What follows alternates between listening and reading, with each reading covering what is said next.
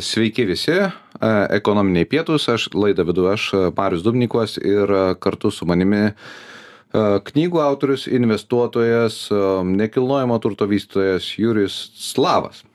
Labadiena, Mariu. Sveiki. Tai a, aš asmeniškai esu užsirašęs į, telefono knygą, kad tai yra klavas. Ir iš kur ta pavardė? jo, iš tikrųjų, čia ko gero tokia pavardė, kurią sunku iš karto ištarti teisingai ir jis įvairiais būdais esu vadintas ir klavas, ir klovas, ir klav, nes tikroji pavardė yra bez galūnės. Čia yra žydiška pavardė, slav. Ir galūnė yra V, bet tarė visi kaip tik tais išmano.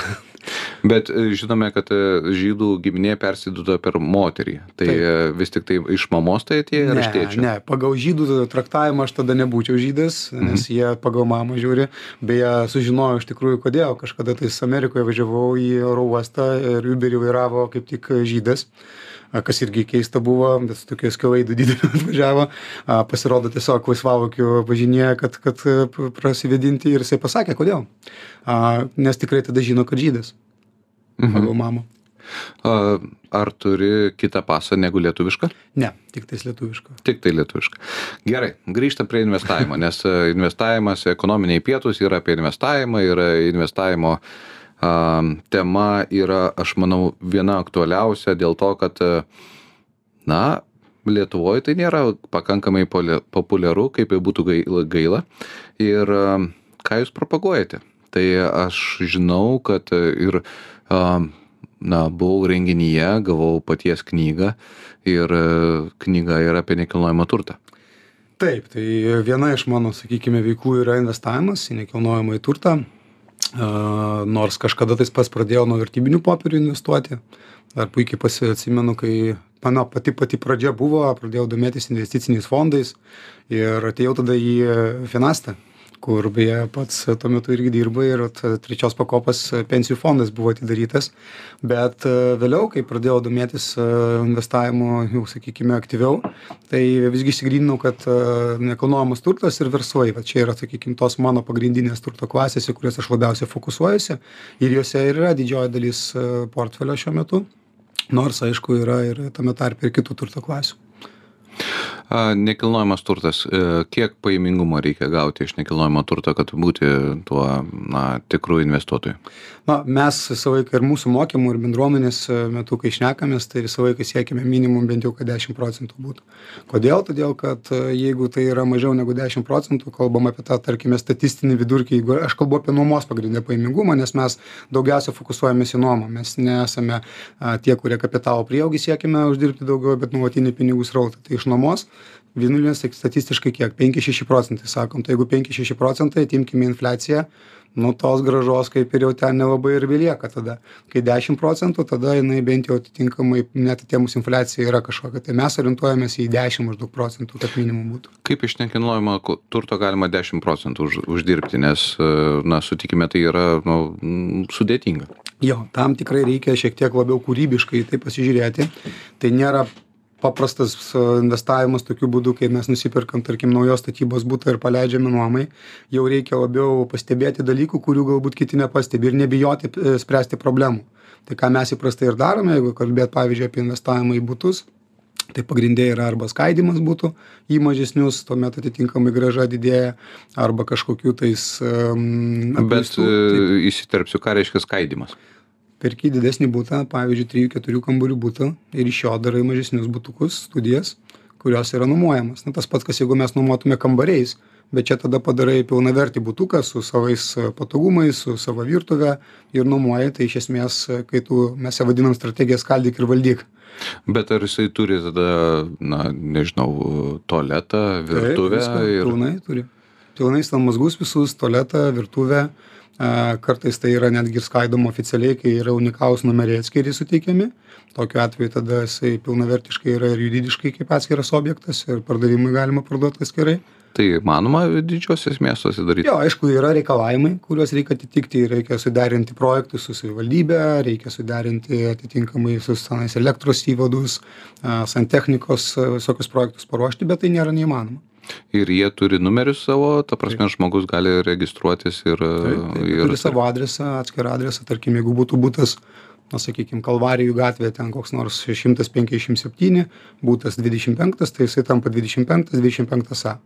Mhm. Ir 25B, jeigu tai būtų, tarkime, 3 būtų. Kiek tai yra populiaru tarp, tarp žmonių, kurie investuoja į nekilnojimo turtą? Aš sakyčiau, kad e, tarp tų, kurie tuo užsima rimčiau, negu tiesiog nusiperka kaip antrą būtą savo, kad ten pensijai turėtų kažkokį tais papildomą arba ten anūkams būtą, tai yra gan, gan populiari strategija. Iš esmės, dvi tokios strategijos, kurias mes ir mano vat, knygoje, kurią pas irgi minėjo, aprašinėjome, yra bjaurio ančiuko kai nuperkam kažką tais tokio apleisto ir padarom iš jo gražų butuką. Arba skaldyk ir valdyk strategijos aišku ten yra įvairių variacijų kartais būna perka didesnį plotą skaido į mažesnes kartais tai yra butas didesnis skaidomas į mažesnes bet sakyčiau čia dvi populiariausios strategijos. E, Tas bjaurusis ančiukas, kas yra? bjauriusis ančiukas tai yra kai perki apleistą butą arba patalpą kažkokią tais kurios iš esmės dažniausiai niekas ir nenori pirkt tai įprastai jinai parduodama gerokai žemiau rinkos kainos. Tai va čia irgi atsakymas kaip grąžą galima didesnę gauti. Nes jeigu tarkime nuperkame butą trisdešim keturiasdešim procentų žemiau rinkos kainos natūraliai automatiškai jos grąža visai kitokia yra. Na ir po to iš jo padarai gražų butuką tada jau pagal strategiją arba pardavimui arba nuomai. Ok. A, turime daryti pertrauką. A, čia yra ekonominiai pietus. Laidą vedu aš, Marius Dubnikovas ir kartu su manim e, Jurijus e, Slavas, a, kuris yra knygų rašytojas, investuotojas ir nekilnojamo turto ekspertas. Greitai susiklausysime.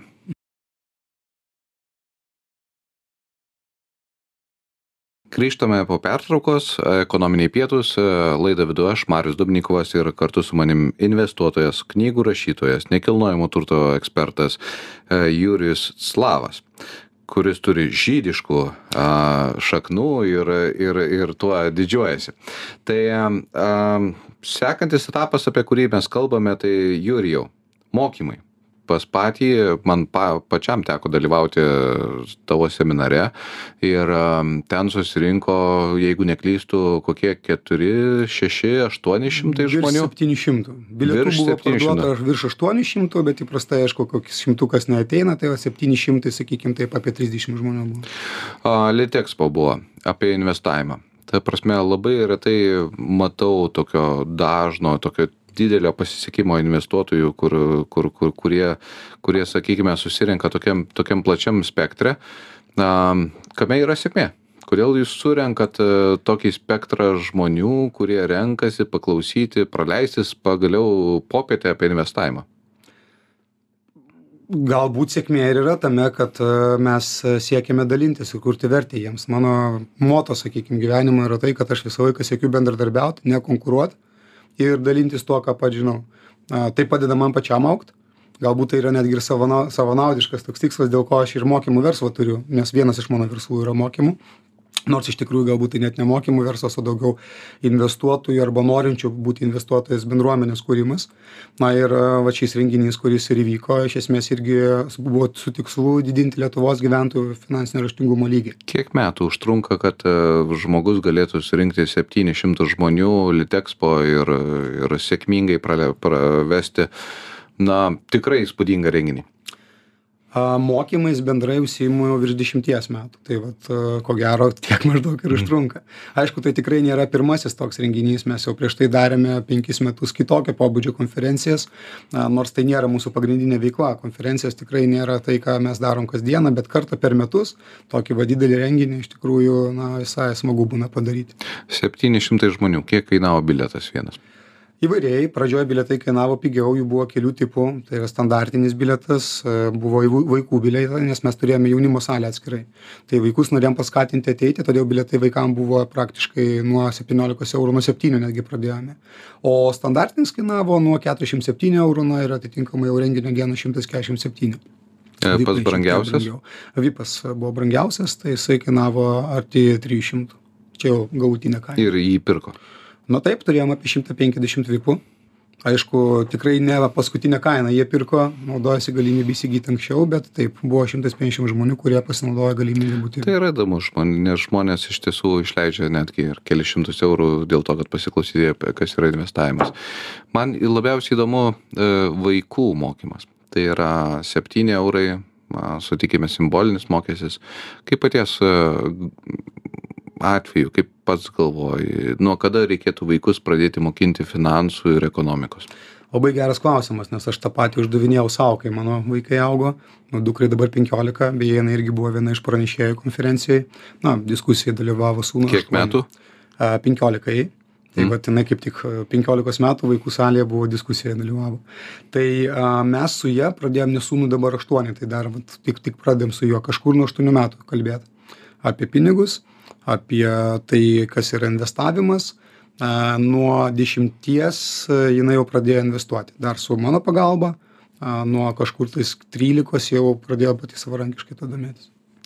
A, kokius investicinius objektus a, vaikai renkasi? Pagrinde kol kas jinai investuoja į tarpusavio skolinimo paskolas Mm. ir į žaliavas. Bet pats davei pinigus ar kaip a, na kaip jinai nuo nuo mažens tuos pinigus mokėsi valdyti į tokius tris krepšius dedama. Nu bet iš kažkur turėjo gaut. nu tai gimtadienis gauna dovanų. Taip po to atitinkamai versliukas prasidėjo. Dešimties metų pamenu turėjo savo svetainę talinos dovanos taškas lt. Darė iš molio gaminius pardavinėjo draugams. Tai va tokiu būdu ir dabar jinai turi savo veiklą irgi gamina tortus plius a, padeda butų tvarkymui mūsų tai yra tavo savo netgi komanda turi a, keletą mergaičių kurios padeda tvarkyti tai vat iš to gauna pinigus. Na ir aišku rankpinigiai taip vėliau atsirado ne nuo ne nuo mažens. Pradžioj tai buvo bet čia yra įdomi tema dovanos. pavyzdžiui pavyzdžiui šeimose. A, jeigu mes vaikams savo liepiame arba prašome kažkokią tai a, užduotį atlikti ar reikia mokėt už ją ar ne mes nepraktikuojam tokio dalyko. Namuose ta prasme jeigu tai yra užduotis kuri yra namų tiesiog ruoša kažkokia tai yra pareiga vaiko. Lygiai taip pat kaip ir aš kažką darau namuose ir aš už tai irgi pinigų negaunu. Taip ir čia bet jeigu tai yra pagalba pavyzdžiui versle ten renginy kažkokiam tais kur jau jos pagalbos reikėtų arba va tarkime a, mūsų butų nuomojamų tvarkymas tada taip už tai tada mokama yra. Nuo kiek metų pradėjo vaikai gauti pajamas tai e, nuo dešimties kažkur ir pradėjo dukra. Sūnus dabar kol kas dar negauna išskyrus tai kas sakykime duodama jam a, tiesiog maistui ten ir, ir, ir, ir kitiem dalykam mokykloje. Jeigu dešimties metų vaikas gauna pajamas Taip. e, ką jisai daro su tom pajamom? Pas jus šeimoje? Į skaido į tris dalis visas pajamas. Nesvarbu ar tai yra ten gimtadienio dovana ar tai yra uždirbti pinigai e, skaido į tris dalis. Tai yra pirmiausia vartojimui dalis a, tada kitos dvi dalys yra viena taupymui o kita yra mes ją vadiname auksiniai vištai tai yra investavimui Ok. Um, jeigu pas jūs atvažiuoja svečiai, tai paskleiskime per radiją plačiai. Jeigu, pavyzdžiui, atvažiuoja pas uh, Jurijų vaikų, vaikų gimtadienį, uh, kokią gimtadienio dovaną reikia atvežti vaikui vaikui? jeigu dukrai tai sakyčiau dabar a, knyga būtų geriausia dovana kažkada tikrai nemėgau skaityt bet dabar ką pastebiu pats ir kuo džiaugiuosi kad jinai pati skaito ir knygas apie investavimą. Ta prasme aišku pradeda nuo tų tokių daugiau bazinių dalykų ane tas pats a, turtingas tėtis vargšas tėtis ar ten sakykime bodo šeferio kažkokios knygos na tos sakykim bendrosios bet e, po kiekvienos tokios knygos ateina pas mane su įdomiais klausimais. Tai vat sakyčiau knyga geriausia dovana. Jeigu vis tik tai atvažiuoja seneliai su plastikiniu žaislu, galbūt geriau reikėtų atvežti pinigų į fondą? Ko gero, dukrai tai tikrai jau plastikinis žaislas nepatiktų, sūnus dar dar priimtų, ypač jeigu koks nors ten Lego ar kažkas tai, bet dukra tikrai geriau priimtų pinigus į, į fondą. Mhm. A, yra tas fondas iš tikrųjų?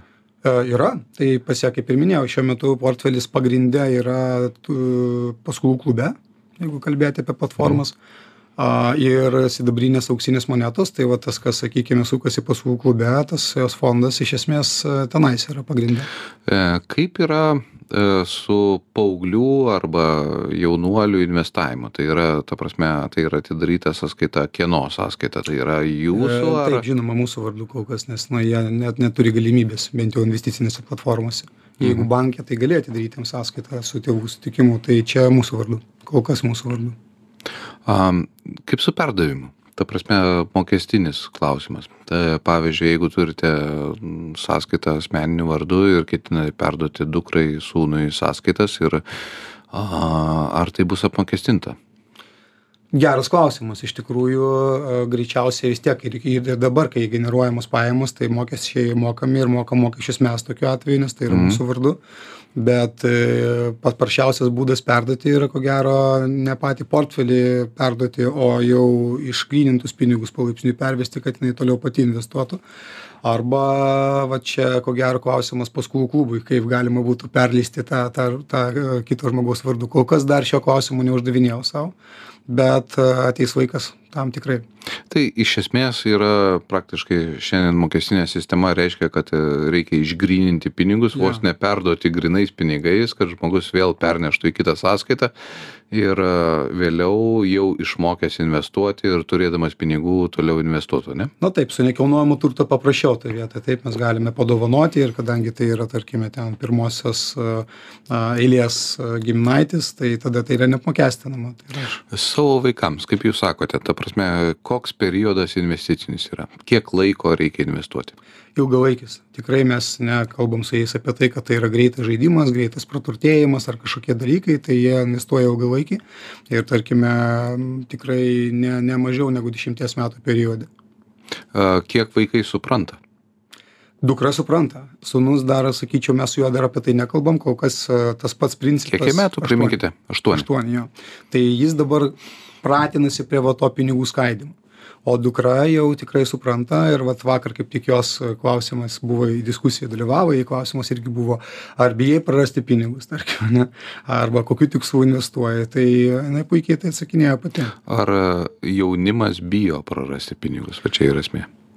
Pasakysiu savo dukros žodžiais. Aš manau bijo kiekvienas klausimas tiktais kokios sumos e, dydyje ane ir kaip valdo riziką to praradimo viso.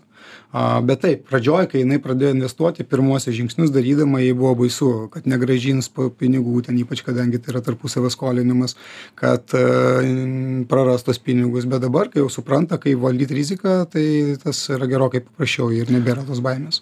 A paskutinis klausimas prieš pertrauką tai yra a kiek pinigų vaikams reikia kad jie patirtų tą vat investavimo malonumą galbūt patirtį įgytų ir panašiai? Tai priklauso nuo to kur investuoti. Tas pats sakykime tarpusavio skolinimas daug pinigų nereikalauja pradėti na ten praktiškai nuo keliasdešimties eurų galima pradėt netgi nuo kelių turbūt ten penkių eurų sakykim investicijų.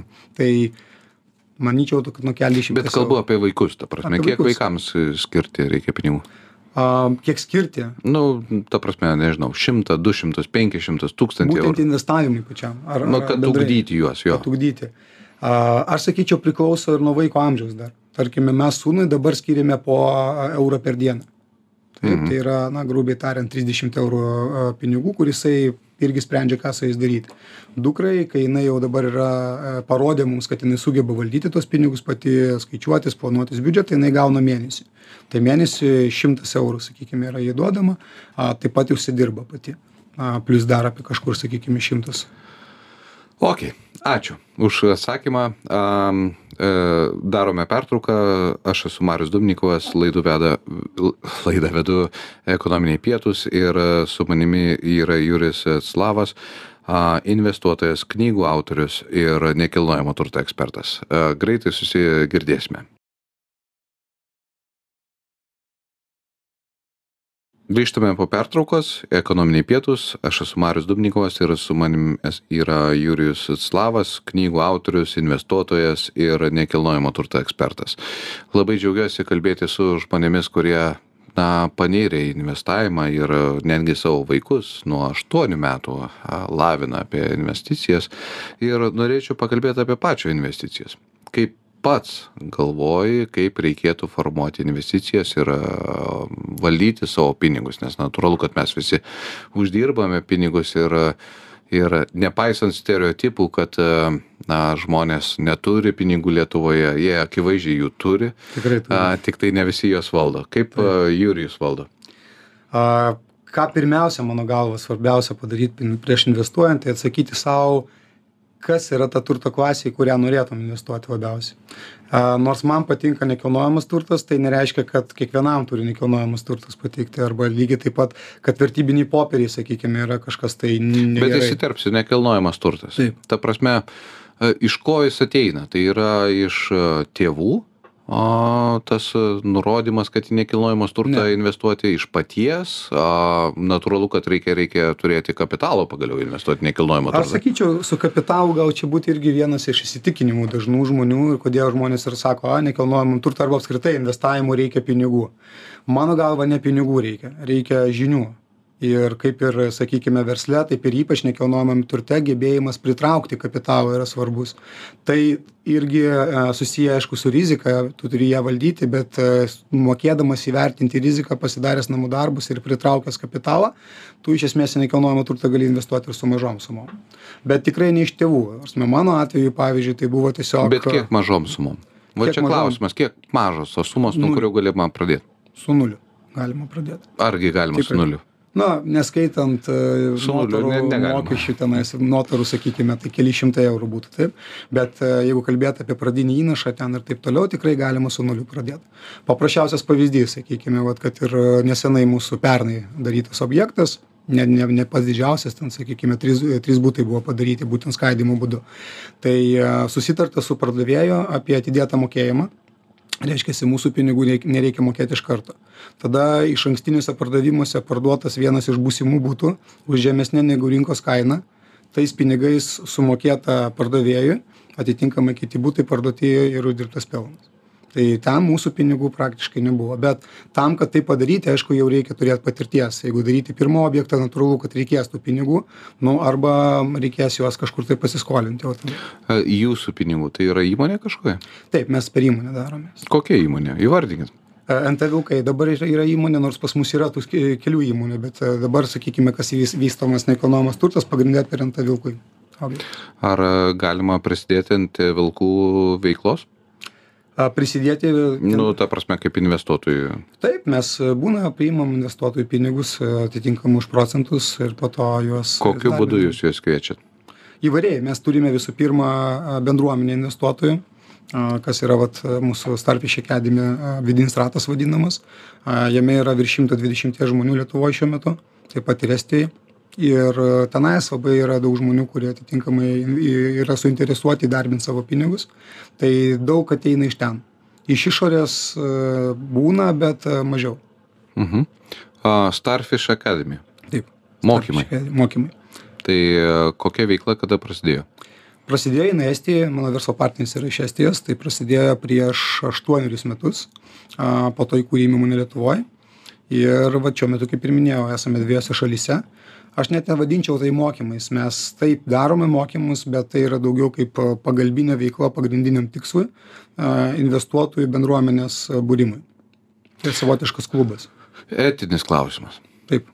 Kada mokymai persilinkia su pardavimais? Ar yra tas ta riba kada mokymai na skatina pardavimus ir ir ir ar ar yra ta riba kurią turite užsibrėžę mokymai natūralu kad įprastai visur skatina pardavimus. Taip netgi tas ta vadinama turinio rinkodara kodėl dabar išpopuliarėjusi taip yra nes tai yra vienas iš geriausių būdų iš tiesų sukurti vertę ir tada atitinkamai na paskatinti žmogų visgi kažką tais pirkti. Bet ko aš nedarau ir ko ko labiausiai vengiame mes tai mokyti vien teorinių dalykų kai tu pats nesi praktikas toj vietoj ir tu mokai tiesiog dėl to kad na uždirbti iš sakykim iš oro tam tikra prasme. Tai tai ką mes mokome mes esame praktikai patys toj vietoj. Jeigu aš kalbu apie nekilnojamąjį turtą aš pats žinau kas yra nekilnojamas turtas ir kaip į jį investuoti. Tai tada tikiu kad tokiu atveju tie mokymai na turi vertės ir už juos turėtų būti mokama nes nu žinios irgi kainuoja. Mhm. A vėl eilinį kartą pareklamuosiu per per savo laidą. Tai džozefas delavegas septynioliktas amžius a a investavimo seniausias e, veikalas kurį galima nusipirkti a praktiškai bet kurioje mm, internetinėje platformoje. Tai yra ten yra sakoma labai paprastai niekada niekam niekada nesakyk kada pirkti ir parduoti nes tai yra raganavimas už raganavimą degina. Am kada pats įsivėlei į investavimą? Buvo ko gero kokie du tūkstančiai septinti metai šešti. Tai prieš pat pat tą praeitą didįjį sukrėtimą visą. Kaip ir minėjau pradėjau nuo investicinių fondų. Iš tikrųjų pirmieji žingsniai buvo trečios pakopos pensija tai vat Finastoje atsidariau tuo metu, po to labiau pasirinkau tiesiogiai investicinius fondus, tai Nordea dar tuo metu buvo bankas, tai vat juose tiesiogiai buvau pasirinkęs fondus investicinius ir ko gero apie penkis metus būtent per ten investavau. Na o po to perėjau vertybinius popierius jau pradėjau prekiauti irgi na ne ne prekiauti bet investuoti. Pagrinde dividendinės akcijos pas mane buvo. Ir vėliau tada atsirado jau nekilnojamas turtas. Dividendinės akcijos. Kurios valstybės jungtinių amerikos valstijų. Tuo metu tai buvo portfelis pagrindinis. Kodėl ne lietuva? Per maža rinka sakyčiau ane ir tie dividendai vėlgi mokami kartą per metus. Amerikoj mokama kartą per ketvirtį. Plius tų įmonių pasirinkimas yra gerokai gerokai didesnis negu lietuvoje. Jeigu pažiūrėtume sakykime nasdako turbūt visą biržą lietuvišką tai ten dešimt akcijų gal penkiolika suskaičiuotume kurios moka dividendus žmogus investuojantis į akcijas. Kiek turėtų pasirinkti būtent portfelyje įmonių? Vat pats vis tiek investuoji į akcijas į dividendines akcijas. Kiek įmonių turėtų būt portfelyje a labai skirtingų tų strategijų yra. Pavyzdžiui aš kai investuoju į dividendines akcijas kadangi vis dividendai jeigu tu pasirenki sakykime patikimas įmones jau tada sumažina tą jautrumą kainos svyravimui tai mano portfelyje būdavo sakykim iki dešimties akcijų. Bet jeigu aišku norime plačiau paskaidyti riziką jų turėtų būti gal ir daugiau bet vėlgi klausimas yra kapitalo kiek aš jo turiu. Jeigu aš turiu ten tūkstantį eurų nu neprisipirksiu daug akcijų tada gal geriau fondą investicinį tokiu atveju kur jau tas platus platus paskaidymas iš karto yra. Kiek žmogus gali geba sekti, sakykime, bendrovių, nes natūralu, jeigu mes investuojame tiek į dividendinės ar yra, sakykime, um, augančias bendrovės, tai kiek žmogus tavo akimis gali sekti bendrovių, kurios, kurios turėtų būti portfeliai? Tai manyčiau kad iki dešimties maksimumas ko gero yra vėlgi nuo strategijos priklauso. Pavyzdžiui aš kai investuoju į dividendines pagrinde naudojuosi vadinama daug šuniukų strategija yra dogs of a dau tai tenais yra netgi variacijų ir penkių šešių akcijų sakykime bet tai yra pakankamai toks siauras portfelis bet jinai pakankamai pasyvi yra dėl to nereikia sekti tenais tų rodiklių kas kartą. Tai yra iš esmės jeigu rinka neturi sukrėtimų kažkokių tais didelių tai kartą per metus peržiūrėt portfelį yra pakankama pagal tą strategiją nebent įvyksta kažkokie tai sakykime na vat karas ar dar kažkas. Ar paties portfelyje yra meta ar supranti kas yra meta ir virtuali realybė. Nes aš klausiau ganėtinai ilgai apie metą ir suprantu kad na ne visiškai suprantu apie tai kas tai yra. Mano portfelyje metos nėra. Kas yra meta senoji tai yra feisbukas labiau supratau negu kas dabar yra meta. Tai iš tikrųjų įdomi tema ir ko gero aišku mes nu matysime gal tos temos dar tendencijas kažkokias ateity vystymuisi bet aš dabar jau supratau kad pavyzdžiui kai kalbama apie kriptovaliutas kažkokius kitokius panašius dalykus gal aš jau esu tos kartos kur aš irgi jau nebesuprantu nors save laikau pakankamai a žinančiu ir technologijas ir viską bet apie metą jau ne viską suprantu. Okei darom pertrauką laidą vedu aš marius dubnikovas ekonominiai pietūs ir su manimi yra jurijus slavas investuotojas knygų autorius ir nekilnojamo turto ekspertas. Greitai susiklausysime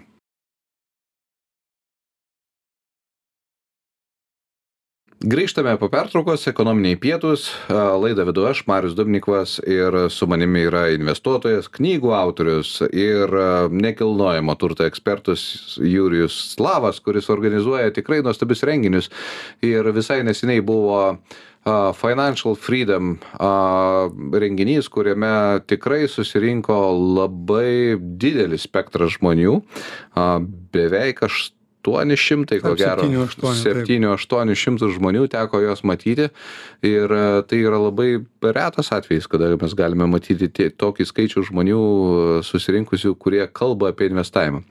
Norėjau paklausti kaip jūsų manymu ar yra populiarus investavimas lietuvoje?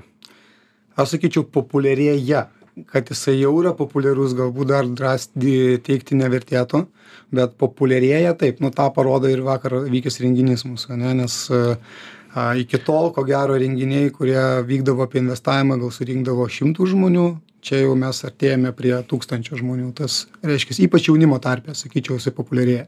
Vyresnėj kartoj gal mažiau. Iš kur ta mintis Ta prasme, parsivežti, nu, žinai, tikrai, tikrai iš kažkur tai buvo parsivežta, tai yra renkti tokią investavimo formą. Ne, neparsivežta. Kilo.